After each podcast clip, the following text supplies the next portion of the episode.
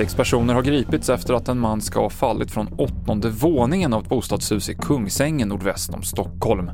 De gripna är mellan 45 och 70 år och ska ha befunnit sig i lägenheten som mannen föll ifrån. Hans skadeläge är oklart.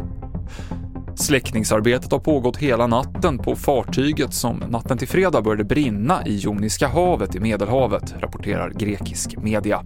12 personer saknas fortfarande, men de två som under flera timmar var fast i lågorna räddades från fartyget igår kväll. Och den här säsongen så har lavinrisken varit ovanligt stor och i veckan gick det två laviner i Åreområdet. P.O. Wikberg är lavinexpert på Naturvårdsverket.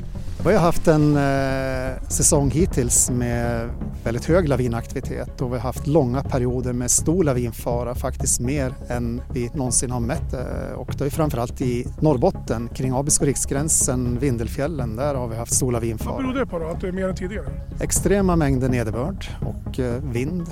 P.O. Wikberg på Naturvårdsverket, reporter Marcus Noterius. Senaste nytt finns på tv4.se. Jag heter Mikael Klintevall.